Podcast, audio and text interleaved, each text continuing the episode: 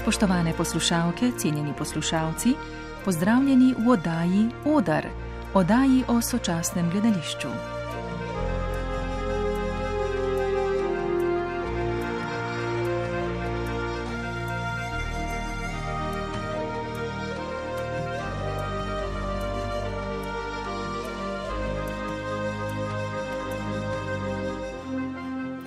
Te dni visoki življenjski jubilej praznuje gledališče Anne Monroe.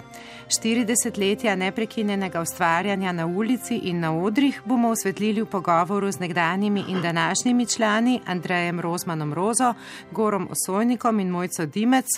Kot zunanje oko pa smo povabili še filmsko in vizualno umetnico Emo Kugler. Lepo vas vse pozdravljam. Lep pozdrav. Lep pozdrav. Spoštovani Andrej Rozman Roza, vi ste pa seboj prinesli en gledališki list, pa bi začel morda kar s tem iz leta 1983. Ha, ja, ja, ja, jaz sem prinesel tudi en gledališki list iz ja, Bibol. Bibol ali naša disciplina je slutna zarja, to je bila v bistvu takrat nismo delali, ulic, mislim, nismo delali ja, uličnih predstav, ampak odrske, no, ta je pa bila uh, ulična predstava, ki, v kateri smo predstavili nov šport, ne, novo disciplino. Uh, ne.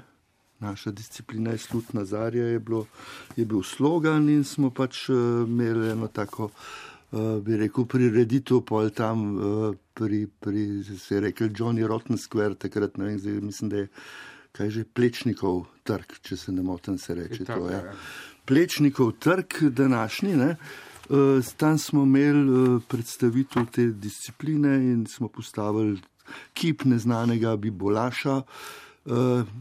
Jaz imam pa zelo vroč spomin na to, ker sem pa nekaj smo imeli, sem hotel z neostikom po asfaltu pisati tako ognjeno, ne? pa se mi je ne vem, kako se je zgodilo, ne? se mi je nahlačen napopal, na ker sem jaz potem hotel tisto tubo, ki je zagorela še v, v gasent ne? in se mi je noga zagorela. To je bil v bistvu del uh, enega festivala, kako se je rekel, pomladanski festival. Ne? So bili tudi prijatelji iz Zagreba, Kugla Glumište, in so me pa po koncu nastopa, tik preden sem šel na urgenco, so me sprašvali, kde ste dobili tu hladno vatro. Goro, mojca, sta vidva tudi sodelovala pri tem? Bibol, o Bibolu uh, sem jaz samo brala, oziroma nekako, ko sem se jaz pridružila Ani Monroe. Vem, da bi ta disciplina še morala živeti, zaradi tega, ker je bila, Roza je naredil razpis ali uh, ja, razpis za obvezno oddajo tenis žogic. Uh, to je pravzaprav bila disciplina, kot se jaz spomnim s tenis starimi ali pa odsluženimi tenis žogicami. No, in takrat je potem. Pobarvanimi, pobarvanimi, simbolično, ja. Z nekimi posebnimi kombinacijami metov in tako naprej, najmanj dva. Ne. Ja, z dvema, z če dvema, lahko ja. samo, da pa tudi umešam, vem, da to ni uludno, ampak ja. skratka, finta je v tem, da z, tam, z dvema žogicama se hkrati podajaš, se pravi z levo in desno roko, ne, to bi, bi rekel, si v, na poti sprave je to sigurno, mislim, tist, rekel, idealna disciplina. Ne? Ja. No, tako ja, ta kolektivna spravniška disciplina. No, te, samo tega se spomnim. Zdaj, to me je seveda, hvala, sem popravil, kako se je to igralo, ker tega nismo takrat igrali, se pa spomnim enega dogodka, kjer smo pa pač čakali, da bodo ljudje prišli na to obvezno oddajo uh, z žogic. Ne? Tako nekak, tak razglas je bil nek tak absurden. Ja, zelo malih je prišlo, ampak eni, eni so pa prišli. Ne? ne, jaz se takrat spomnim tudi Emila Hrvatina, da je prišel. Tako, on, je pa... on je takrat prišel uh, z neko drugo idejo v nekem biznisu. Uh, ne nekaj... On si predstavil, kot ja. da je od firme Dunlop in da, ja, ja, ja. da, da nas imajo na sumu, da mi mislimo te žogce predelovati uh, za neki tazga. Ja. Jaz ga nisem prepoznal, tako da sem se pogovarjal. Ja, Složil, da, ni, da ni se zabat. Ne? Mlad študent, mogoče prvo leto v Ljubljani, Emil Hrvatin, uh, Janis Janša, zdaj že nekaj let. Ja, se spomnim glede teh žogc, ki smo pa bi rekel računali na veliko, da bomo to pakirali in da bo seveda šlo blazno v promet, ker bomo to razširili v, v, v nacionalni šport. Ne, in smo bi rekel teh žogc nabrali kar velik, ne, a, ogromen za celo kapelco jih je bilo. A, Tam na Kersnikovi, kjer smo varili, ne, smo jih, bi rekel, cel dan barvali. Ne. In potem naslednji dan je bil čas, da gremo in kje so pa žogce, kje so pa žogce, kje so pa žogce, žogce ni bilo nekjer. Nekdo nam je popalil celo dvorano žogic. Ne vem, po mojih je bilo nad 100, 200. No, Nekaj stran vrgo. No, karkoli je že, v glavnem ni jih bilo in meni je bilo zanimivo tega, ker če bi na mene tri, štiri popalili, mislim, eh, odnesli bi gotovo videli, ule, manjkajo. Ne? Tako so nam pa vse, pa sploh nismo opazili do začetka predstave, da jih sploh nimajo, da so nam jih pobrali. Ne? In se je bilo kar zanimivo. Sicer pa kakšna huda gospodarska škoda se ni zgodila, ker nekaj kompletov smo imeli. Ne? Ampak niso šli na vem, pora- v prodajo. Ne? Tako da ta zgodba z Dunlopom se ni razvila. a ne. Ja, Uh, je bila pa kar komplicirana športna disciplina. Ne? Ja, Mislim, meni, bilo meni kar je bilo težko igrati. No? Meni je bilo všeč, mislim, z Maratom smo se kar. V bistvu So, so bila že kar uigrana ne, v tem. ne. Ker Najboljše, če se na sred odbijata, ne, tako da jih vržeš, mislim, skratka, ali pa na skrižno vržeš, ne, da pač loviš z dvema rokama, mečeš z dvema rokama. Ni slabo, ne, ampak lej, ni, ni bil čas, še ni bil zrel. Ne. In Še ni takrat, olimpijska disciplina. Ja, bo, bo, ja. No, je bil pa fajn, kip je bil pa zelo dober, Mare, tam se je tam legel na sliki, kako z nek podstavke imel tako in je Marek je bil res eleganten v tej svoji po, pojavi in postavi, ne, mislim, tiste pa res tako bilo impozantno. Vse ta sliko sem dala pa jaz, v, ko sem delala dokumentarce. Smo jo našli Ja, pred Maksijem Trkja, ja, ja. Mare. Pa blazno folka je prišlo. To pa vem, tega je bilo pa prav fascinantno. Je bilo, mislim, današnji protesti bi skoraj rekel, da se lahko mečken mm. skrijejo. Ja.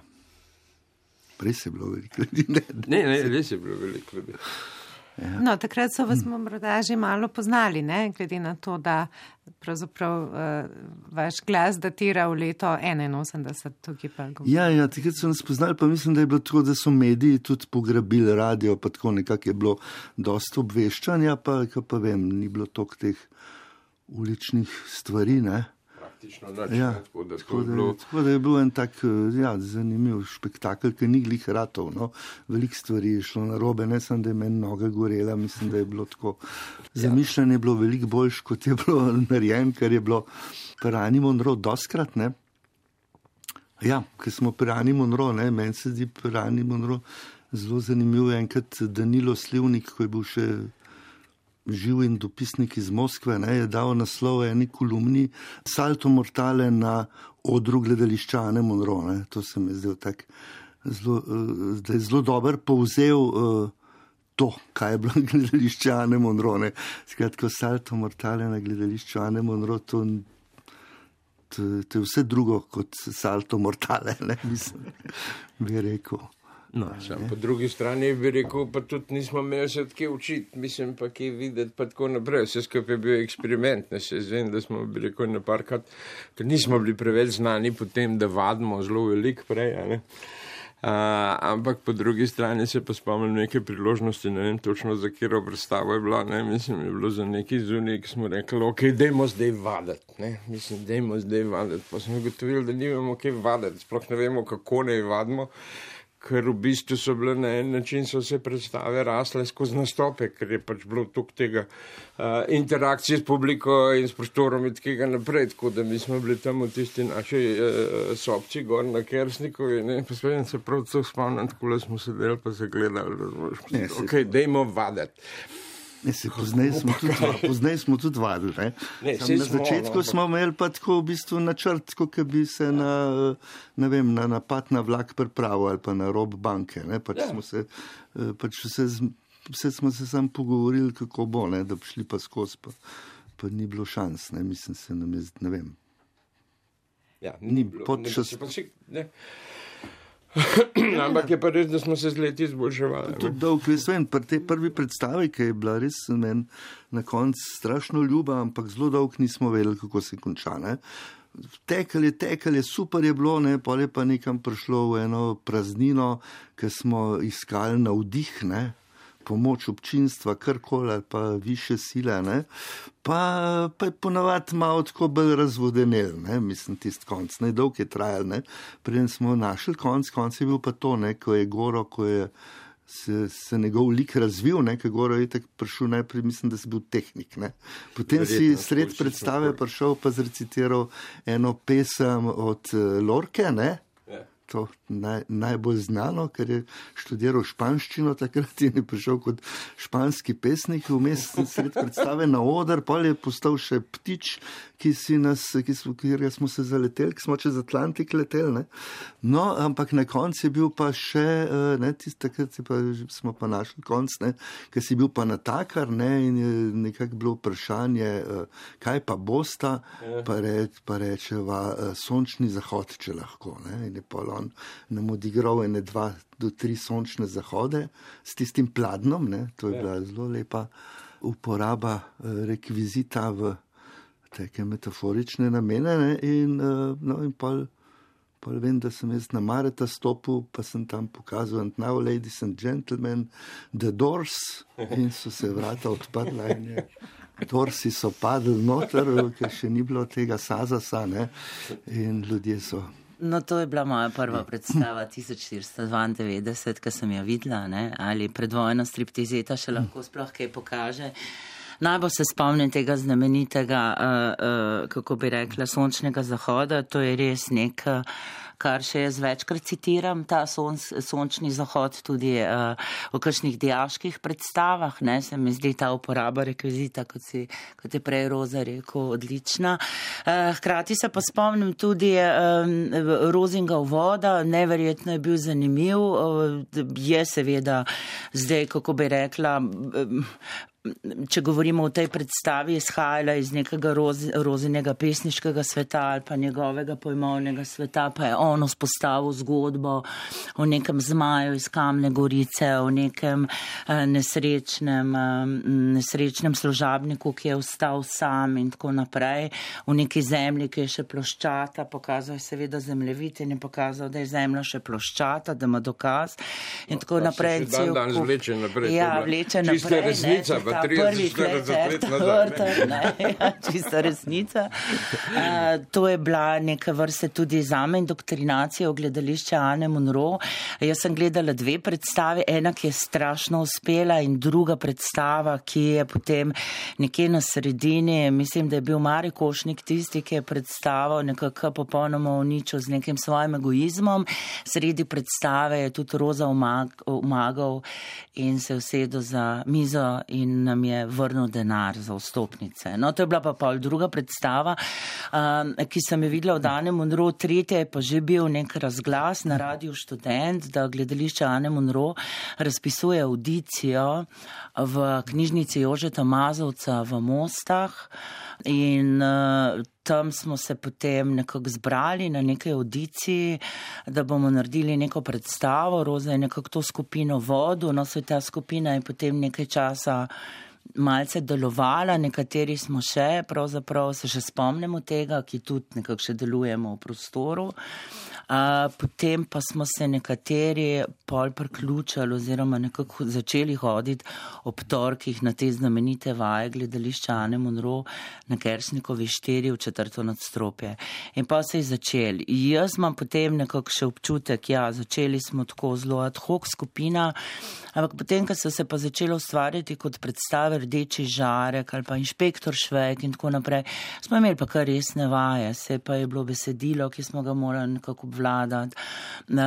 Pri rdečem žarku smo imeli celo te diapozitive, film in tako naprej, neko tako um, zelo multimedijalno predstavico in smo jo morali tudi zvaditi. Je pa res, da tako profesionalno pa nismo vadali, no, tako, da bi imeli en mesec, dvakrat na dan, ampak pač v teh priložnosti, ob teh torkih in potem pač neka premjera in potem smo nekako stisnili sile in naredili. Mm, seveda neko celoto, ne, ki je včasih bolj uspevalo, včasih manj. To je, kar se še jaz uh, spomnim, kapelice uh, na Kersnikovi štiri, potem smo pa zelo hitro nekako. uh, šli v Kutvrnce preširen, kjer pa smo nekako. Um, bolj nekako teatrsko zaživeli. No? Mm, se mi zdi, da smo večkrat, eh, da smo tam res postali teater, ki pa je imel nekak tedenske akcije ali pa tedenske vaje ali pa vsaj srečanja, če že ne eh, neke, neke produkcije eh, stalne. Ne? O kapeli ste poleg vadbenih prostorov tudi predstave igrali?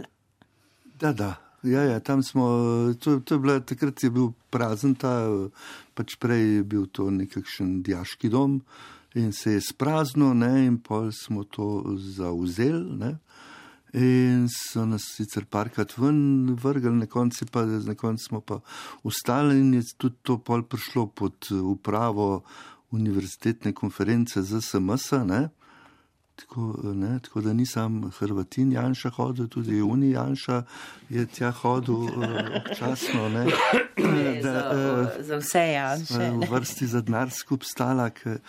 In uh, nekaj so na oni celo bili neki sofinanceri predstav. Ampak smo pa tudi vadili. Ne, mislim, da nismo samo ob torkih zvečer, ne, to smo imeli bolj vsak torek zvečer smo se dobili, ampak drugače smo pa tudi, mislim, da smo zmer bolj vadili. Sej, zdaj je to dobro. Ali slabo, je tako slišati, kot da nismo nikoli vadili, ja, ja. kar seveda ni res. Ne? Ampak tisto, kar se nas hvala, če spostavite pač za te ulične predstave, v glavnem, to smo pa bolj ali manj, mislim, te akcije, ki smo jih imeli zunaj in predstave, ki smo jih imeli zunaj, tam pa dejansko nismo razvili neke posebne metode vajanja. Ne? Mislim, se za te notranje predstave, ki so bile in takrat rdeči žarek, inšpektor Švek in pa pa še naprej, ko so bile uh, San Remo, pa kaj za vse je bilo ogromen. Uh, seveda tam je bilo veliko vaj, ne? mislim, mi je bilo čist in recimo pri marsikeri predstavi smo imeli tudi živ bend, ne? in bend brez vaj, pa kljub samo se ne da sodelovati z njimi. Ne? Mnogi so, ja, pa tudi smo imeli tako da, tako da. Iz, uh, mislim, je bil Ivan Rupnik. Uh, Eh, kaj pa ste, kdo, kdo je še bil? Ne? Violeta, Violeta je bila je z nami delala. Tudi pol bara, ne, ampak Violeta je bila bolj je Ivan pa. Ja, uh, Ivan pa.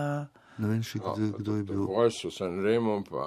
Uh, Matjaš Pikalo, no se, midva so bila na tej audiciji, se spomnim takrat v knjižnici Ože Tomaza. Da je to kar bilo, ampak jaz se spomnim recimo za poroko predstavo, ki je kasneje prišla, ne mislim, ki je bila zasnovana tako, da v bistvu čez celo predstavo je pač osnovna ideja je bila zelo enostavna. Se da narediti predstavo v kateri te tokom predstave zamenjaš pač vse igravce z ljudmi iz publike. Ne?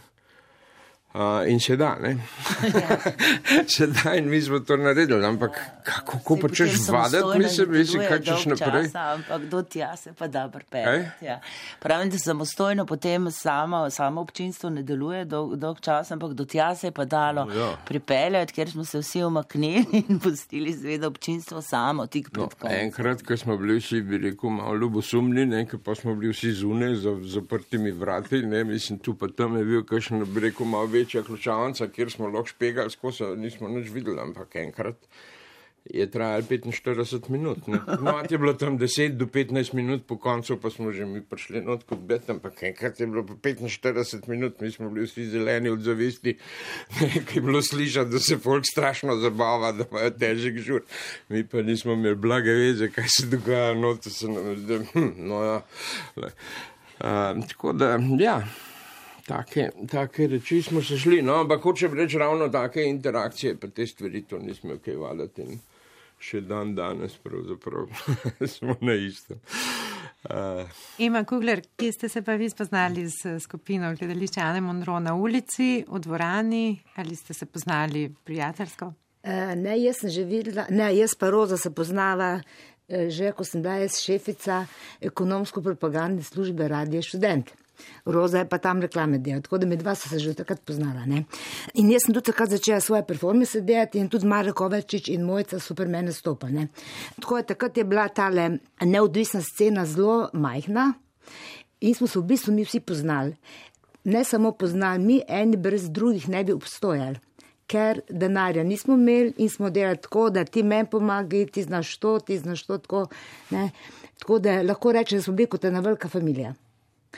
Uh, ja, no in potem um, jaz z njimi še do današnjega dne vsemi ne sodelujem, ne, ker še vedno, kljub temu, da so se časi spremenili, se meni niso ne spremenili, ker meni denarja ne dajo, ne, tako da sem vedno odvisna od eh, te prijateljske in umetniške pomoči teh mojih prijateljev. Ne. Ja, potem sem jih pa spremljala vse čas. Ne.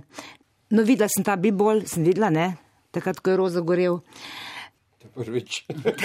prvič ja. Eh, no, potem pa, ko so se pa one v kapecu, sem tudi hodila, ampak potem v kudo pa redno, ne? ker to predstave Ane Monro se ni zamudilo. Ne? Eh, prvič je bila, je bila vedno fajn predstava, vedno smo se nasmejali in potem je bil tu, tam tudi prostor za druženje, ne? ker je bila še galerija, ne? Eh, potem se ima tače prodajali. Tako da eh, izjemna škoda, da je ta kut France Prešern prišel v državne roke. Ni prišel v državne roke. Privatne, no. Ampak država je tu pomagala. Ne. To je ista groza, kot se je zgodila z Ksevtom v Vitanjih, ker tudi eh, to, eh, to čisto idejo, ta impuls umetniku, ko tem država tam neki zavoha, pride svojim strupom in se pomori. Ne. Tako da to je velika škoda, ja, res drugače pa seveda ne. Vse predstave Anne Monro. Prvnih pari sem tudi pomagala, sem delala kostume. Ne. No, eh, ne štiri leta nazaj sem napravila pa dokumentarni film o Anne Monro, ampak to na lasno inicijativo, ne. E, ker mi je bilo čudno, kako to vseh, mislim, to je bilo res nekaj izjemno specifičnega za slovenski prostor, pa po moje tudi malo širše, ne. Se to Blaž Lukan dobro pove v dokumentarcu, ne. E, kako to, da ne, e, ljudje se razhajajo, kako to, da ne, če še kdo kaj ve, če še kje kak material, zakaj se nihče, to bi mogla biti uh, inicijativa ministra za kulturo, ne. Uh, No in potem sem jaz eh, na VPK-ju, eh, na videoprodukcije, ker sem na svoj film končala, sem rekla, dajte tole prijaviti, ne. No in potem, hvala Bogu, je televizija dala 20 tisoč evrov, da smo mi potem ta dokumentarc napravili. Je bil pa kar velik problem eh, ga napraviti ne zaradi ljudi, ker ti so dali tako vse od sebe že prej in tudi pri tem, ampak je bilo izjemno težko do kakršnega koli vizualnega materijala pridne. Ker takrat, ne, uh, takrat v tistih časih, ko so imeli to delo, nihče ni skrbel za svojo lastno promocijo, to nam je dol vesel. Tako da, no, ampak potem iz tega, kar je bilo, uh, iz uh, ene slabe VHS posnetki, pač, ampak ok, boljš to kot nič. Tako da uh, je zabeleženo, kot smo lahko zabeležili. Uh -huh. Ampak ja, na ministrstvu bi se pa lahko mal uh, žegno na vodo mislim, ker to pa res. No, se danes je isto. No. Pravite, da ste redno spremljali uh, njihove predstave, zdaj me pa zanima, kaj to pomeni redno, kakšna perioda je to bila, kakšen je bil repertoar. Ja. Mi smo imeli na začetku, ne, mislim, zdaj, smo, mislim, smo že leta 82, ne, konc leta prišli v kapelco, ne, v to kersniko, meni še zdaj ni čas mi. Tudi, tako da vsake čas partizanom, ki se vsega tako spomnijo. Ne? Ampak ne, uh, meni se smo konec leta 82 prišli v kapelco, ko smo imeli to glik že narejeno. To predstavo, prvo ali lahko predvojna striptizeta danes še sploh kaj pokaže. Ne? Uh, in smo potem tam igrali decembra, tako nekje od uh, 20. decembra pa do novega leta, ne? tako nekje do 30. 30. decembra smo imeli še zadnjo predstavo, Božiča takrat še ni bilo, ne? tako da smo imeli ne deset dni zapored, pa smo pa eventualno še kaj drug let uh, ponavljali. Ne? In pa smo naslednje leto smo imeli uh, ta rdeči žarek, ne? naslednjo predstavo leta 83, spet decembra in smo isto igrali, tako ene deset dni. In potem smo imeli tam pač šank, eh, vse, ne? pač kapelca je bila, uh, freske so bile po stenah, tiste se mi zdi izredna škoda, ki so jih spraskali, ker to so Irvini pa Mare, ne? takrat so bili še nekak skupen kolektiv, ne? so bili takrat so bili še študenti ali ravno dobro diplomirani, so, so vse to predposlikali, sam pa, ki se je pač šlo naprej, so vse to špohtlali dol. Ne? No, in pol, pol smo imeli spet naslednjo leto, 94, smo imeli, pa s tem, kaj je že bil inšpektor Švejk, verjetno. Ne? 84. Ne? In no, dokler nismo tam, dokler ni bilo naenkrat tam že preveč drugih, ker se je to legaliziralo, ko ni bil več skvot. Ki je bilo to poduka za SMS, je bilo zmeri več drugih ne, in mi smo bili zmeri bolj se počutili odrinjeni, tudi, za, tudi vaditi nismo mogli, tako da ja, smo vadili, ne, smo rabili tudi za vaje. Ne. In In smo potem uh, iskali nov prostor in smo tako zvedeli za Kut France Preširen, kamor smo, če se ne motim, ne vem, 87. leta, mislim, da smo prišli s predstavo George Danden po, po Moljeru, ker, ker pa je plemstvo bilo nadomeščeno z uh, pripadniki komunistične uh, partije, ne, ker se mi zdi še zdaj fascinantno, ne, ker je bil to dejansko že tiš čas, ko, ko sem mislil, kako se bojo razburjali. Ben se ni razburil, enkrat so pa celo napovedali, da ima Milan Kučan namen prideti predstavo pogledati. Imel, no, skratka, tako da sem bil zelo razočaran že nad tem enopartijskim sistemom, no, ampak to je, to je bilo in takrat smo, takrat smo bili na višku, ne, v bistvu. Takrat, tudi je bilo to en nov prostor, ne, kot France Preširen, takrat še ni bilo Metelkove, ne, z Metelkovo je v bistvu se to se malo podrlo, ne, mislim, ta razmerja, ampak takrat je bil to edini tak eh, prostor eh, v Ljubljani, alternativen, redno odprt. Ah, no, imeli smo cel ja, bend. No, cel bend smo imeli. Bil že bend, cel bend je bil na odru za George Dandena. In to je bil že kar en tak velik spektakel, se mi zdi. Ja, ja, in smo imeli pa tudi do, do Sanrema, pred Sanremo smo imeli pa že, to, to je bilo nekje leta 90 Sanremo, ne, smo imeli pa že čist, uh, v bistvu se pa ni zdal nehat, ne. Se sem gledal zadnji, še ne tri leta smo igrali Sanremo, preden nam je končno pogoril, se eni otroci so prišli, so se igrali, medtem smo mi nekje drugje nastopali v Mokricah, za eno ulično predstavo so eni otroci prišli skozi okno v tisti naš garderobo ne? In so se so pirotehniko pržgali in so nam požgali uh, te danje predstave, ne? tako da smo lahko nehali igrati San Remo. Ja, je bilo tiste lova prva taka predstava, da je izgledalo, da jo pa ne bomo, mislim, da se pa ne bo iztrošila. Ne? No, tiste je bilo uro, ko smo. In smo se glih prepirali med sabo, vem, da eni, eni smo rekli, jaz sem si predstavljal, pojmo od Sankarja v dom, eno veliko dvorano, najamemo pa odigramo, pa, pa imamo mir s tem, ne? ker prej smo vsak let novo, pa so. Skratka, no, ampak pa, pa šlo pa še naprej, pa smo imeli. Ja, pa smo pa dobili impro, ja, pa je pa prišla še impro liga, ne, ja. potem smo pa dobili v bistvu te prostore, oziroma smo bili tako zadovoljni s temi prostori, da smo nekako spostavili še to neko novo doktrino z gostom Lukom Ansausom, ki nas je prišel podučiti o tej tako imenovani, lahko bi rekla, tudi novi struji gledališča Theater Sports. Uh, in potem smo začeli z Improligo. Jaz mislim, da je tle tudi eh, ta pa mogoče drugi vrhunec gledališča Ane Monro, ta pravzaprav uvoz ali pa ta zeitgeist, ki je takrat ponudila temu prostoru pravzaprav gledališke improvizacije v neki strukturirani uh, obliki. Ne? In iz tega potem izhaja pravzaprav verjetno uh, in uh, tudi kašna šola ne? in pa mogoče tudi vsak, kako rekla, stand-up populacija dan danes ali pa mogoče vsa ta komedijska struktura, ne? nekak iz tega obdobja uh, gledaliških improvizacij. To je bilo po 90-ih letih, ne. 91, 92, uh, potem pa 97, še so, šolska improliga, ne, kjer smo pa pravzaprav to nekako šolam ponudili in mislim, da so te gledališke improvizacije ali pa ta šila ali pa impro ali pa nekaj, kar je pravzaprav še zelo živo znotraj neke, kako bi rekla, nekih skupin ljudi ali pa dijakov, dijakin, študentov, študentk, pa mogoče teh, ki vstopajo v igralski ali pa gledališki prostor.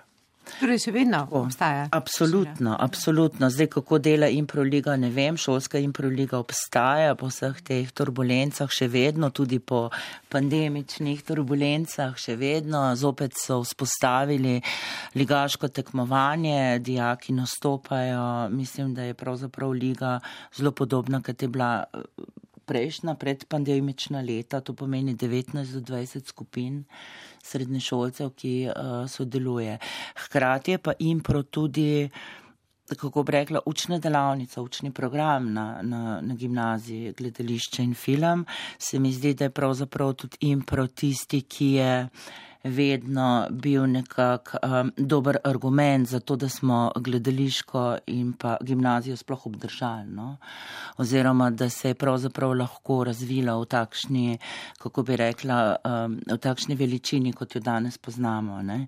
To pomeni ta uh, ideja gledaliških improvizacij, kako vstopaš v polje estetike, kako se poučuješ preko estetskih izkušenj. Uh, to mislim, da je strašno odprlo neko gledališko gledališko hierarhijo in jo znova sestavlja, tako da imamo občutek, da je gledališko umetno še vedno vsake toliko časa ima neko moč, s katero se da pravzaprav spremeniti svet, jaz bi tudi kar tako rekla. Ne? Tako, kot smo v 80-ih spremenjali svet z gledališčem Ane Monro, pa da v 90-ih za z improligo imam občutek, da je še zdaj tudi nastopil čas za neko uh, kolektivno gledališko akcijo. Jaz bi se na tem mestu še vseeno vrnila v ta leta 80-90. Eh, zdaj tukaj ste trije člani kolektiva oziroma gledališča Ane Monro, pa bi se spomnili še drugih, eh, torej tega vašega bolj trdnega jedra v 80-90 letih. No, ja, ja, se izpostaviti Mare Takovočiča, mislim, ki je bil zelo pobudnik vsega skupaj. Ja, ja, mi dva sva začela pač 17. Jaz sem takrat delal v Škucu, ko smo imeli predtem smo imeli ulično gledališče pred razpadom.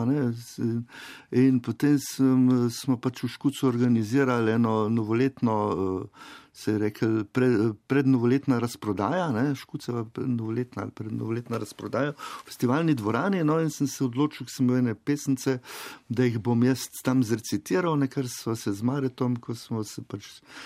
Smo se enkrat srečala, pa se je ponudil, da bi pa on pa vizualno to, bi rekel, oplemenitil.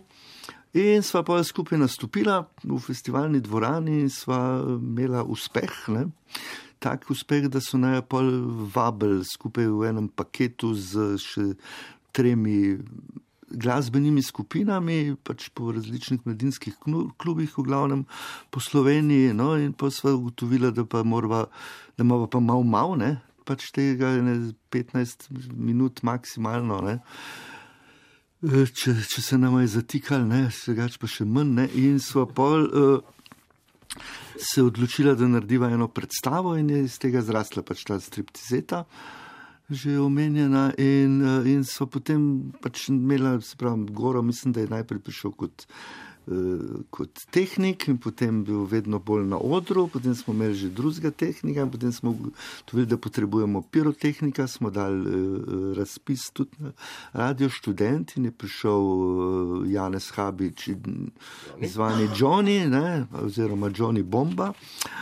Uh, je prišel ne, z, k nam in potem se je to uh, počasi širilo, potem se je pri rdečem žarku je bila tu že mojca mislim, da Borut Canko. Pa Borut je bil potem tehnik. Žiga Saksina je tudi prišel, ali je bil že po Švejku, je bil gotov že. Po Švejku je prišel, ker to smo. Vsak nov član je prinesel neko novo energijo ali pa ne vem, neko novo, kako bi rekla, nov izraz gledališčane Monroe. Da smo bili ja. na začetku tudi ta dojedlo, ampak potem pri teh, ne, pri, pri Sanremo smo se pa že blazno uh, razširali, že, ne, No, pa tudi že pri Žorž Dandenu. Ja. Primošeka. Ja, pa že pri Žorž Dandenu. Ja, Primošeka je prišel skozi impro. Je prišel. Je prišel skozi impro. Skozi impro. Se spomnim, da je iz publike. Najprej iz publike zelo sodeloval, pa je bil kar naenkrat na odru, pa z nami. Ne. On je bil študent. Marsikir, ta bi rekel, profesionalni igralec ali pa ne, študent se je bal, ne, v bistvu impra, ne, zato ker je bil navajen te svoje, ne, rekel, trde šolske linije in da se bo tlepa razkril, ne, da, da pa ni tak talent mogoče ali kaj. Ne. Ampak no, pa eni pa. Ni impro za vse, ne. Ja, je, no. Imeti malo žilce za to ali pa kar velik. Veselja. Ja, čeprav, da mislim, narejen impro je bil narejen za, kot pedagoški pripomoček ne, na, univer, na univerzi v Kalgariju, prav zato, za, zato da igravci se, uh, bi rekel, uh, malo sprostijo. Ja, pa da so malo bolj živi. Ne da so malo bolj živi, ne, ampak pa se je iz tega izkazalo, da, mislim, se je s tem izkazalo, ne, da je to veliko več kot to. Ne, mislim, da je to, mislim, za mene, ne, ker ste prej o impro govorili, meni se zdi impro tudi ena največjih stvari, ne, v, v, ki se je zgodila, ne, recimo meni tudi skozi teater, ne, zato ker impro je neke vrste religija, ne, ti moraš verjeti, vera, ne, ti moraš verjeti, da boš tam dobu idejo, ne ti ne smeš biti pripravljen. Ne? Prav to, ti moraš, eh, ti moraš zaupati, plus moraš eh, biti eh, upet v kolektiv. Se moraš, moraš vedeti, da ti, ne? če už ti samo svojo špuro, furo, boš zatrl igro, ne? pa se bo vse razbil. Ne? Se pravi, moraš vse čas upoštevati druge. Ja, mal ima ta kolektivni princip, Ampak... mal ima ta eden za vse, vsi za enega. Mislim, da je to pravzaprav nekaj, kar nam vedno potem manjka, ker jaz najdem to moč gledališča, vidim prav v tem, da mora biti nekako kolektiv, predvsem pri impru. Vse imamo tudi posameznike, ampak morajo biti upeti v kolektiv, zato da sploh lahko vzpostavimo z improvizirano situacijo. Pa verjetno moraš, da se to res lahko zgodi. Ne? To pomeni, lahko se tudi po nesreči, ampak če rečeš, se v gledališču se nič ne po nesreči, se ni nič napaka. Ne?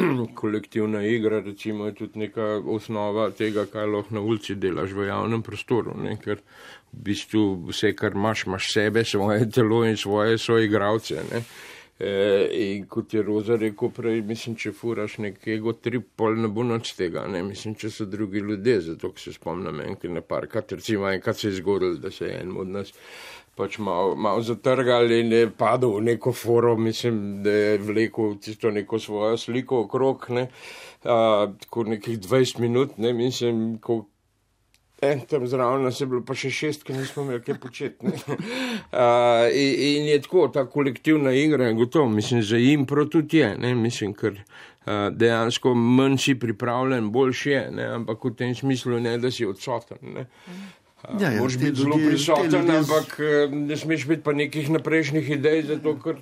Ja, oni veliko vadijo, ne? mislim, to je tako, kot pač tudi košarkar mora veliko vaditi, ne? ampak tam se pa prepusti situaciji, ne? tako da te ljudje, ki dobro zdaj jim prodelajo, ne? sem pač enkrat z njimi delal eno predstavo, tako da sem bil čist fasciniran, kako se je to razvil ne? pri teh, ki so res, uh, uh, tudi veliko po svetu hodijo ne? s tem ne, eh, niso ujeti samo te slovenski prostor. Ne, mislim, jaz ne bi verjel, ne, če ne bi vedel, da si to res zmišljuje, ampak oni ful velik uh, vadijo. Ne, mislim, ja, da vaja. Ja, ja, ja, ja vidiš, vadite, ta, ta, ne, ne, ne zgledujte se. Uh, proces, proces vzpostavljene skupine, kako se pravzaprav skupina ali pa kako se neka informacija po odru širi. Ne?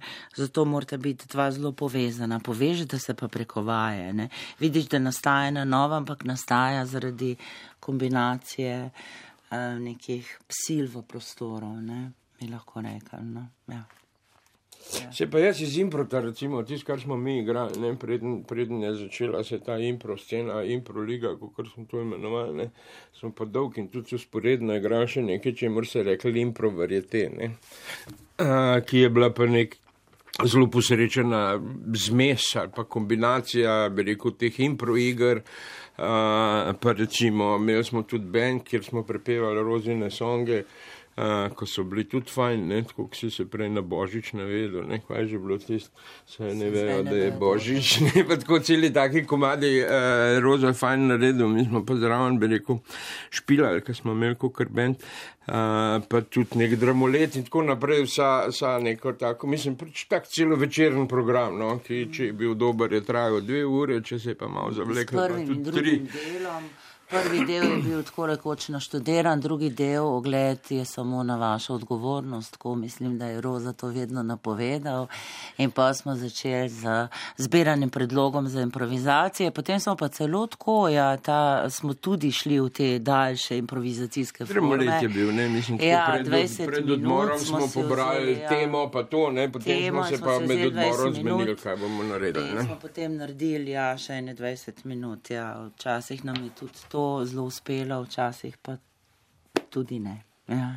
Ah, v glavnem, dosti dobro je bilo, da so ljudje prihajali gledati. Ne? Mislim, ampak, Ja, ja, verjetno je recimo, fan, fan te ja. impro scene naše je bil pa tudi že prej omenjeni predsednik Milan Kučan. Ja, ja. uh, je pa kar večkrat prišel, da ne se spomnim. enkrat ki smo bili pa zelo slabi, pa rekel, je prišel med pauzo, pa rekel, jaz mislim, da ne bom več hodil. Ampak to je tam že, to je bilo v, v, kje, že v mladincu smo imeli tisto. Ja, ti si bilo pa v mladincu, ti si bilo pa v. Kudu ja, ja.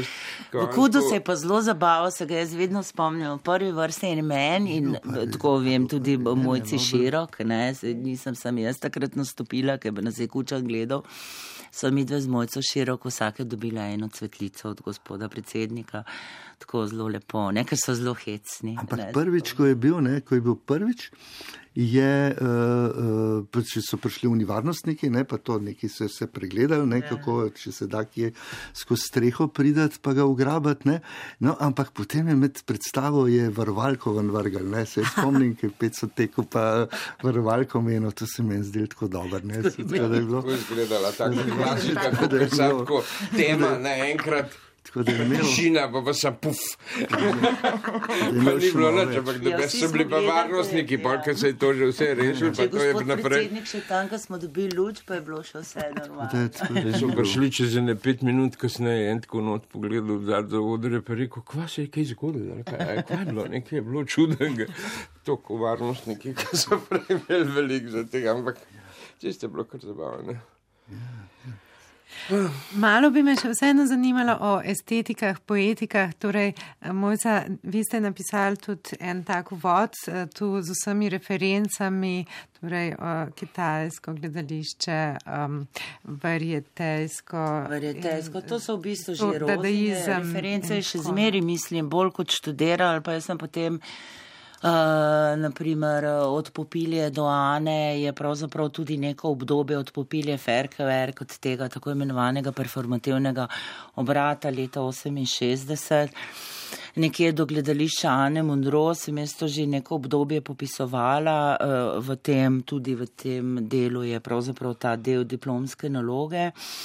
In še zmeraj mislim, da pravzaprav ta nek teoretični okvir ni bil čisto slučajen, pa tako, mislim, mogoče je šlo res za Zeitgeist, ampak še zmeraj mislim, da nismo bili takrat čisto neuki, ne, da so neke informacije, da smo kljub vsemu nekako. Uh, Mm, naprimer, če se omenja kitajsko gledališče ali pa verjetejsko gledališče ali pa ruska avantgarda in tako naprej, ne, to so bili neki vzorci ali pa uh, sploh avantgardno gledališče pri nas neki vzorci, ki smo jih kljub vsemu poznali, ne, uh, ne tako množično, ne, ampak so to bile neki, bili neki podatki, s katerimi smo lahko pravzaprav upravljali.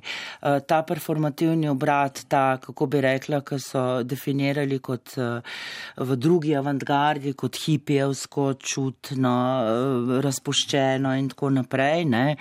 V bistvu v tem nekem obdobju tega nekega srečanja razno raznih profilov ljudi, ki so se združevali po afinitetah, ne po nekih, ampak zgolj po nekih lastnih željah po druženju. Ne. Pol je pa tretja stvar, da se je takrat začela tudi neka demokratizacija družbe.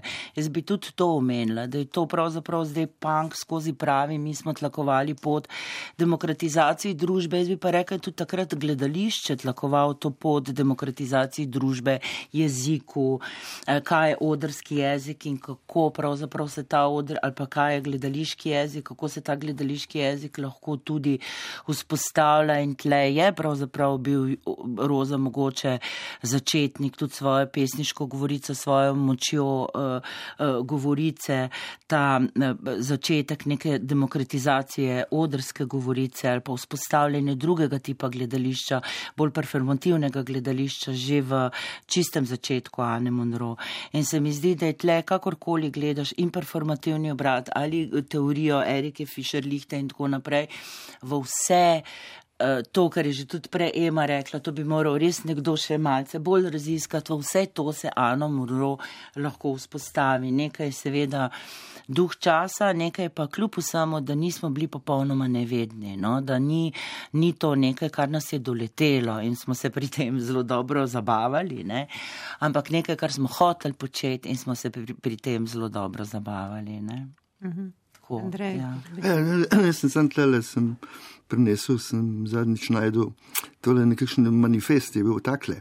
Izhajajoč iz vizije vloge umetnika v svetovni revoluciji, se je skozi iskanja na robu gledališkega znanja, kot manifestacija volje po preživetju, tudi v najbolj zaostrenih pogojih gospodarjanja, rodilo malo nad jezikovnimi mejami potujoče gledališče Anne Monroe proizvaja songe, deklamacije za asociativno gimnastiko, srednjeveške legende in podrealistične komedije, govore in pogovore, ustanavlja šole ter izumlja nove discipline, s katerimi poskuša kolo zgodovine vedno znova zavrteti za nekaj stoletij nazaj.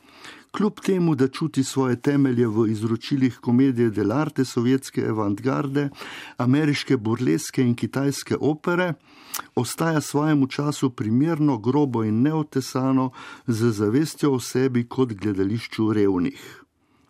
Evo, malo heca, ampak v glavnem pa uh, sem pa to zelo zares mislil ne? in tako smo se počutili. Ne? Smo imeli pač neke vzore, smo se počutili tudi socialno, ne bi rekel, ne? v tem upeti in v ta seveda tisti čas zanimiv del se mi zdi tale tudi v najbolj zaostrenih pogojih gospodarjanja. Ne, Nas s tem uh, pitajo že, že, dolgo, že, že od takrat, ne, že iz 80-ih let, ne, so isti ti komunisti. Ja. Ta stališča, ki ste jih zdaj prebrali, kaj pa to pomenilo v dramskem pisanju, v formah, recimo? Pravzaprav nič, ne. to je bilo samo pač ob tem nekakšen, ne. zdaj, zdaj dram pač te predstave ne, so imele pač vsaka svojo zgodbo, svoje besedilo. Ne, ni bilo zdaj, da bi, da bi se, ne mislim, zdaj imeli so kakšne zglede, ne, ampak v resnici. Uh, Bi težko rekel, ne? mislim, zdaj pri, pri tem rdečem žarku, ne? ta je bil najbolj tak konceptualen. Ne? Zato, ker sem si predstavljal, da moramo vsako predstavo narediti čist drugačno kot tisto prejšnjo. Ne? Da je to najbolj, tudi se mi zdi, tudi sicer v življenju dober, ne? da, da človek ne dela skozi na isti način. Ne? No, ampak tisto smo pa radikalno ne, recimo, šli in tista je bila narejena po Bulgakovu, po, po te usodna jajca je naslov uh, kratki zgodbi o tem, kako. Uh, Kako pač ta oblast, ki, ki zlorabi znanost, ne, deluje, hkrati smo pa veliko tehnologije uporabljali in za nasprotno od od eh, striptizete, ker je bilo veliko improvizacije, ne, smo tam avtom, smo imeli vse tekst posnet in smo sam usta odpirali. In to jaz sem uh, odpiral usta na besedilo, ki ga je Mare posnel. Ne, skratka, mislim, ti, ne vem, smela ti tudi neki. Ne, jaz nisem teksta. govorila, to sem na radio študent, en špikar je bil, ki, je, ki se ga zdaj ne spomnim, je pa imel ta, seveda, en izmed eh, najbolj znamenitih špikarjev tistega časa, z radio študent, pa Mare je imel en glas, mislim, da sta bila. Ne, ne, mi dva z Maretom smo imeli. Pa še, ali pa vmes je bil verjetno pa Mogoče, ta poročilo, kdo. to poročilo, naprimer, Aha, kaj z njim, kaj se je zgodilo, ja. mogoče so poročila. Poročila so bila. Ja, ja. No, ampak tako, hočem reči, ta je bil tak konceptualen, da se je zgledal izgledoval tudi estetsko, bi rekel, dost po, po, po našem občutku, kaj je bilo to uh, sovjetska avantgarda.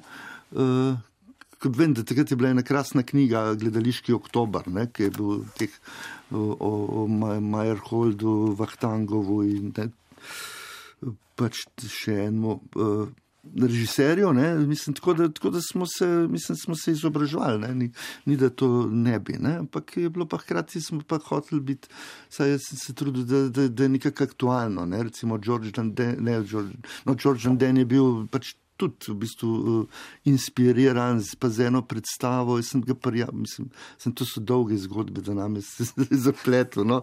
Ampak George Janden je bil tako narejen konceptualno, da, da sem pač vzel zgodbo Moljera in predstavo tam, kjer je bilo plemstvo, da, pač, pač, da se dogaja takoj po osvoboditvi, ne, se pravi tam nekje leta 46 pri nas in da pač tisti, ki, se, ki so tam pri Moljeru, je revno plemstvo, ne, ki se visoko visoko nosi, v resnici pa nič nima. Tukaj, so, tukaj je bil pa partijski funkcionar. Ne? Mislim, da napram v ne žrtve so pa zmeri te navadni kmetje. Ne? tako, tako, da, tako da je bil en koncept, je bil, ne, mislim, pa, plus recimo sem zelo rad karikiral te patetične pesmi, ne, po vojne, ne, rdeči piloti bodo oblake po nebu vozili, tvoj sin pa bo, ne vem, inženir, ne vem, že duše ali česa, ne, mislim, tako, tako da smo pač kombinirali, ne, vse sorte, da, da je ratal nekaj kar ne bi bilo nam všeč, pa še občinstvo. Ne. Ema, glede na to, da ste sodobnica eh, gledališča Ane Monro, eh, katere reference, vplivi ali pa um, zgodovinska gibanja so pa recimo vam bili zanimivi v tem času? Tisto, kar mi je prišlo pred nos. ker jaz sem tak impulziven človek. Ne? Tako da jaz sem v bistvu študirala ekonomijo, tako da jaz nimam nobene umetniške izobrazbe, ampak um, zgleda, da so moji možgani malo drugam naštelani. Ne? Pa ne samo zato, ker sem šla potem na radio, to je bila moja prva in edina služba v življenju eh, na radio študent, ne, ne zato, ampak. Um, Ne vem, tako da jaz, eh, seveda, vse, kar sem jaz v življenju videla in slišala, to je na, name vplivalo. Ampak seveda, selektivno, to, kar je bilo meni všeč. Ne?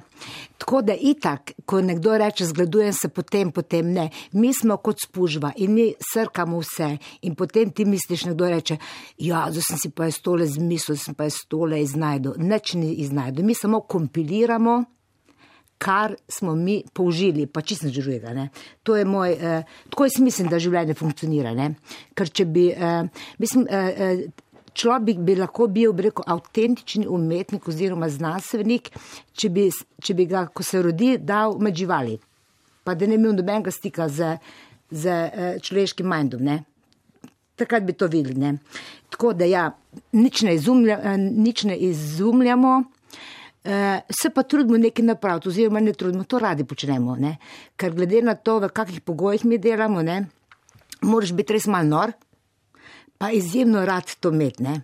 Sam meni se zdi, da svet brez umetnosti, jaz ne vem, kaj bi to bilo. To bi bila pa una celica smrti, ne? ker kaj brez arta ni nič. Ne? Samo jesti in spati, to pač ni dovolj. Ne? In bi bilo zanimivo, zdaj, ko so vsi tako proti umetnosti, ne, da so, mi smo zažiravci državnega budžeta, le nuhi, samo spimo, dolg spimo, pijemo. To je vse res. Ne? spimo bolj malne, ker ni časa. E, ampak, če bi, naprimer, vso umetnost ukinili, vso glasbo, e, ves vizual, vse, da vse se ukine, takrat bi, pa, bi se pa znašli v, v gluhi sobi. Ne? Ja, tako da vzornika nimam, vsi, ki so dobri, so moji vzorniki. Čisto za konec. Um, Kaj vam, recimo, vsakemu posamezniku um, pravzaprav uh, je ta najpomembnejša izkušnja od uh, gledališča Ane Mondro, od recimo od tega, uh, te 30-letne uh, trdne skupine um, ustvarjanja? 40 sicer, ne? 40 vem, ampak zdaj pravzaprav to. Um, Jaz sem bil ne, 15 skupina let, v bistvu nekako ne obstaja. Ja, pa smo občasno še kaj skupaj delali, ampak 15. Skratka, kaj nam. Uh, Kaj, kaj je tisto najpomembnejše, eh, se vam zdi od tega eh, skupnega pač obdobja ali pa v tem smislu, um, ne, kaj, kaj, kaj, kaj je tisto največ, kar ste nesli vsak po svoji poti naprej? No? Uh, mislim, jaz sem pripričana, da uh, je to strašno zanimivo obdobje mojega življenja in brez tega obdobja v mojem življenju si ti današnje službe ne morem predstavljati svoje. Ne? Jaz sem sicer študirala slovenščino, ampak me je vedno vleklo v teater na en tak drugačen način. Uh, in takoj, ko se mi je ponudila ta neka priložnost, da lahko pravzaprav ali pa ko je Ana Modroži tudi malce, kako bi rekla, pešala v tem, ali pa je čas pešal v tem, da bi lahko pravzaprav res preživeli od umetnosti, se je zdobila to uh, priložnost, da sem šla učiti slovenščino v srednje šole.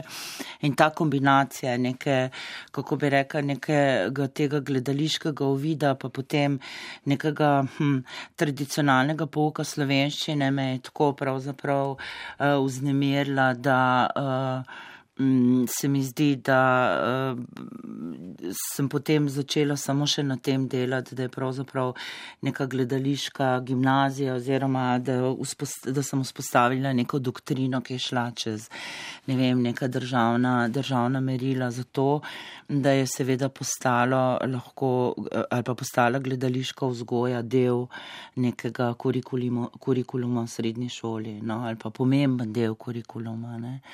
Uh, no, to se mi zdi, da je pravzaprav nekaj, kar jaz peljem iz Ane Monro, pa kar sem prepričana, da brez Ane Monro verjetno ne bi bili danes tako uspešni v tem šolskem smislu. Uh, dam pa naprej žogico goro to, ne, z goroma pa zdaj v bistvu z Ano Monro še pa največ, kako bi rekla. Uh, ne vem, lepih spominov in koristi, ali kako že. Ja. No, lepo, da sem jaz lastnik lepih spominov. A, to je nedvomno, res mislim, jaz imam na, na, na, na Ano Muro samo lepe spomine in bil sem tako nekdaj kot od sedaj, zato ker uh, se pač recimo eden od tistih, ki furam to naprej, uh, to novo življenje Ane Muro, ampak Če pogledam to, kaj sem pa jaz dobil od uh, Anne Monro, recimo, če govorimo, mi smo pa nek čas imeli tudi težave s tem, ker smo pač bila Anna Monro, pa Anna Monro je bila avtorska skupina, ampak po drugi strani pa gledališče Anne Monro se začelo ukvarjati tudi z drugimi stvarmi, pa festival postavili na dan, pa uh, dan danes tudi šolo, sicer drugačno in drugo, bolj neformalno, šolo sodobnih performativnih uličnih umetnosti. Uh, ampak uh, moram reči, da pravzaprav vse te neke osnove, ki jih jaz te, širim naokrog, ne, mislim, ki osnove, so pa seveda izhajajo iz uh, časov gledališča Ane Monroe in če bi mogel par stvari ven potegniti, mislim, čistko individualno. Ne, uh, gotovo tisto, kar so meni najbolj zaznamovalo no, in kar me še vedno zaznamuje, sta dve stvari. Ne. Eno je pač to skupina, ne, kar smo tudi že prej malo govorili o tem, a, da pravzaprav način gledališča, a, ki smo ga pri gledališču Anne Monroe, nekako fural in ki res mislim, da je še vedno osnova tudi za, za, za edino pravo, ta skupinsko delo, se pravi, bi rekel to, da deluješ skupaj, da deluješ kot skupina, a, da imaš vedno pač neke svoje igralce in da ne furaš nekega ego tripa. Ne. A, druga zadeva, ki pa meni všeč bila pa ranim rojen, mi še zmeraj pa nek holističen pristop. Ne. Uh, se pravi, mi smo tako z Anom, zelo smo tudi v drami nastopali, pa tudi sam sem nastopil recimo po teh gledališčih, pa tako pa moram reči, da je fajn nastopati, tudi trenutno nastopam v enem muziklu. Uh, pa je fajn. Ampak po drugi strani mi pa tam veliko manjka. Ne? Mislim, zato, ker pač tam imam svojo vlogo, vem, kaj je, pridem, mislim, lepo se pojavim na, na, na, na, uh, v zaodarju, tam me čaka kostum, lepo zlikan, sveže upran, dišeč, mislim, ki ga dan gor, pol lepo odigram in grem, ne, in nimam nič. Ne? nimam nič drugega s tem, uh, kar je fajn, ampak recimo to, kar je bilo pa prani Monro in je še vedno, je pa pač ta nek holističen pristop, se pravi, da si ti uh, kot, uh, kot ustvarjalec bolj ali manj aktiven ali pa tudi organizator uh, upleten v celoten proces. Ne? Od začetka, od kreiranja ideje do razvija, razvijanja zgodbe, do ne na zadnje včasih, eh, recimo tega je vedno manj, včasih je bilo fajn tudi kakšen rekvizit zbijati skrb ali pa kaj pilt in tako naprej, a, bi rekel posavt sceno, odigrati predstavo, pa ali pospraviti. In jad, ne, in um, jaz se pač na en način zelo identificiram s tem, uh, ker se mi zdi, da je to tisto, kar je meni najbližje. Ne? Se pravi, da sem del, uh, da nisem samo en, en kolešček, ne? ki mi v končni fazi dol vesi, kaj z ostalimi koleščki, pa kdaj pridejo, ampak da sem del skupine uh, in da pač skupaj postavljamo predstavo, da skupaj uh, zadevo in pripravljamo in odigramo in pospravimo in pol. Bi rekel, tako rekoč se skupaj veselimo ali objokujemo, odvisno od uspešnosti.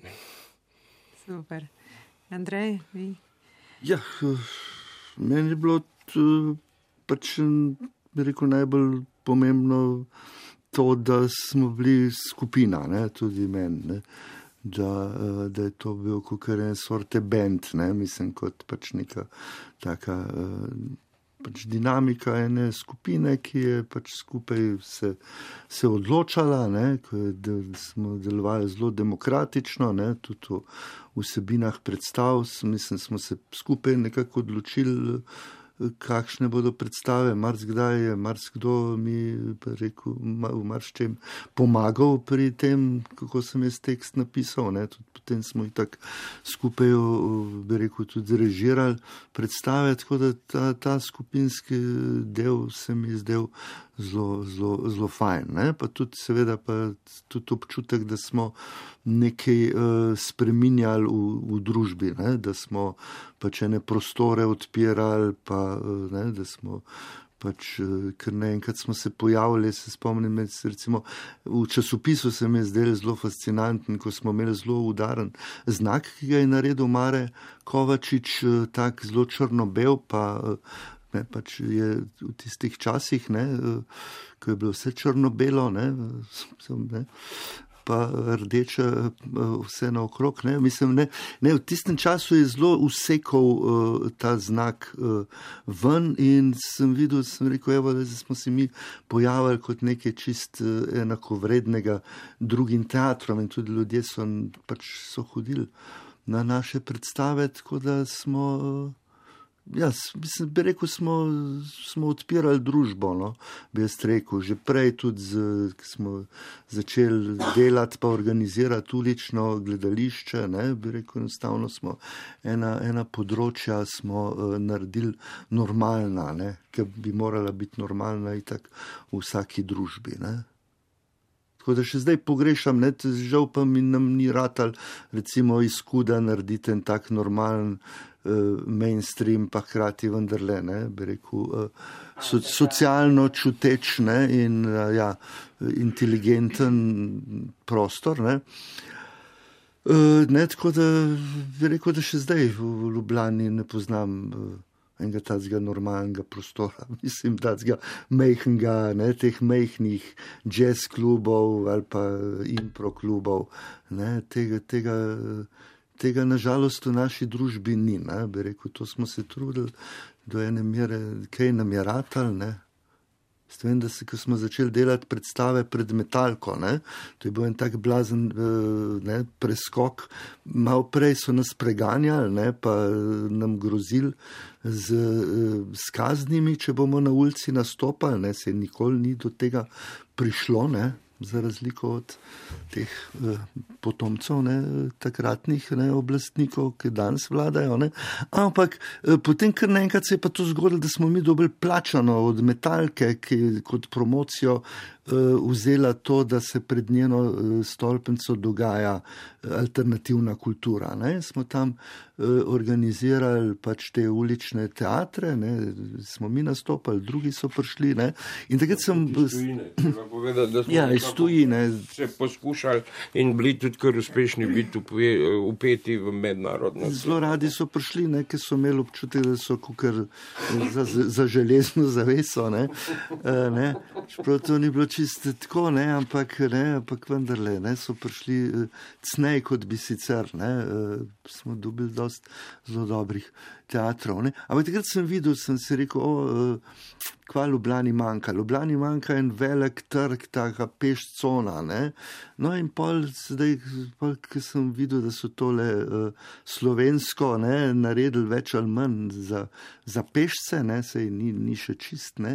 Ampak takrat sem si rekel, evo, le, ene želje, ki sem jih imel, ne vem, pred 30 leti in več, ne, se, se uresničujejo. Ne počasne, tako da smo se trudili, no, skratka, narediti družbo odprto in to se mi zdi fajn.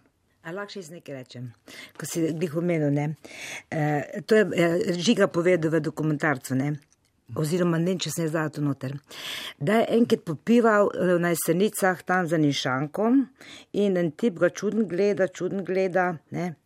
Na kar sta, ko se je tudi on napil, mu je pa priznal, da je bila udba kar vas je tudi policija spremljala. Ne? A to ne veš tega? No, ne, vem, no, to, to, to, ja, to vem, Ja, da so ja, nas skozi že ja, ja. prej, Ja. že ulično gledališče. točno kdo vedel, kdo je, kdo je od Udbe in moram reči, Ja. da tu in tam smo tudi rekel, poslušaj, Lojze, neko, kar koli mu je bilo že ime, da izrihti to. Pa se je No, tudi malo potrudil. pustili so vas pa primir, ne, glavnem pač ne. Ja, Ja. pač nismo bili dost nevarni, ne, eh, očitno. Ne, sej, Ja, eh, mislim, da takrat ni bilo tako. drugače ja, pa to- Neko tako obdobje že zelo, ja, tako 83, 84, ne vem, če bi. Pa tudi- Mislim, ali pa vsaj Tako da bi do nas te roke. Niso poznali, niso vedeli, kaj bi. Ne? A, tako da se mi zdi, da s temi stvarmi. Ni bilo nič, nič v končni fazi, pa se nismo nič tazga uh, počeli, ki bi jih, uh, mislim, tako. No, pa če govorimo o odpiranju javnega prostora, ja. mislim, da smo kar. No, ampak to, to je bil en tak splošen čas, ne? mislim, smo svoj del prispevali, ne? ampak ni pa, da bi pa za to, se, mislim, trge, da, ja, da, da te pa spremljajo, pa to pa. Zdaj. No, ja, mislim, Meni se zdi zdaj, le, mislim, takrat, mislim, jaz, Ja, zdaj imaš pa itak, ne. eh, ne. mislim, jaz sem. Telefonov spremljanje. Ne, ne, jaz di- direktno vem, da če sem se po telefonu iz Škuca kakšne stvari pogovarjal, ki sem potem uh, dobil v, uh, v družinskem krogu, uh, ugotovil, ker sem imel sorodnike, ki so delali na, na policiji, da marsikaj o meni vejo, česar nisem nobenemu povedal. Ne, zato, ker, in sem pa ugotovil, da ja, ne, da imam uh, bližno žlahto, ki pretipkava tisto, kar jaz. Uh, se pogovarjam po telefonu. Ne? Pa sej, mislim, Bog pomaga, grozen je, ampak eh, zdaj je še hujš, kot je bilo takrat. Ne? Ampak eh, bomo tudi to preživeli. Ne?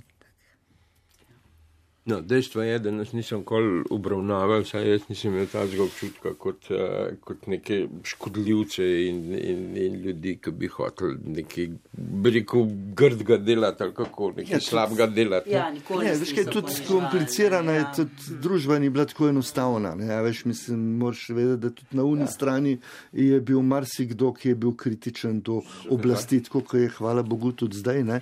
A veš, ampak to. To so bili, ne? mislim, sploh pa veš, Slovenija je bila hkrati nekje vse čas kritična do Beograda. Ne? Tako da smo imeli tudi podporo, eh, bi rekel, lokalne eh, politike, ne? mislim, oziroma republiške politike eh, v marščem. ne. Mislim, ti vsi, večini se vidiš, ne? vsi disidenti. Ne? eh, Mislim, mislim, jaz samo dva poznam, ki sta bila v zaporu. Ne? Mislim, drugače so pa v glavnem vsi imeli, si bila tribuna, si bil Ja, ja, ja. mladina, si so bili vsi ti cajtangi, ne, ne samo dovoljeni, ampak tudi uh, podpirani. Ne? Podpirani. No, In tudi mi je bil imeli, takrat. tudi mi smo imeli subvencije, ne, ko si rekla pekarna. Veš, zakaj smo mi sploh bili? ne? Zato, ker je pekarna se ukinila, je en denar ostal. ne. Denar je pol, Ja, ja, no, bil pa je bila veternica, pa vsa ta alternativna scena. Veš, se nas so podpirali, ne? nas niso ogrožali, nas so v končni fazi podpirali. Ne? Tako Da, ampak nismo edini, ne? tudi. Spoštovani Ema Kugler, Mojca Dimec, Andrej Rozman, Roza in Gora Osvojnik, hvala lepa za pogovor. Hvala za vabilo. Hvala za vabilo in ja, bi rekel, čez 40 let pa spet. a Ne? Dogovorjeno. V isti sestavi. 60 leta.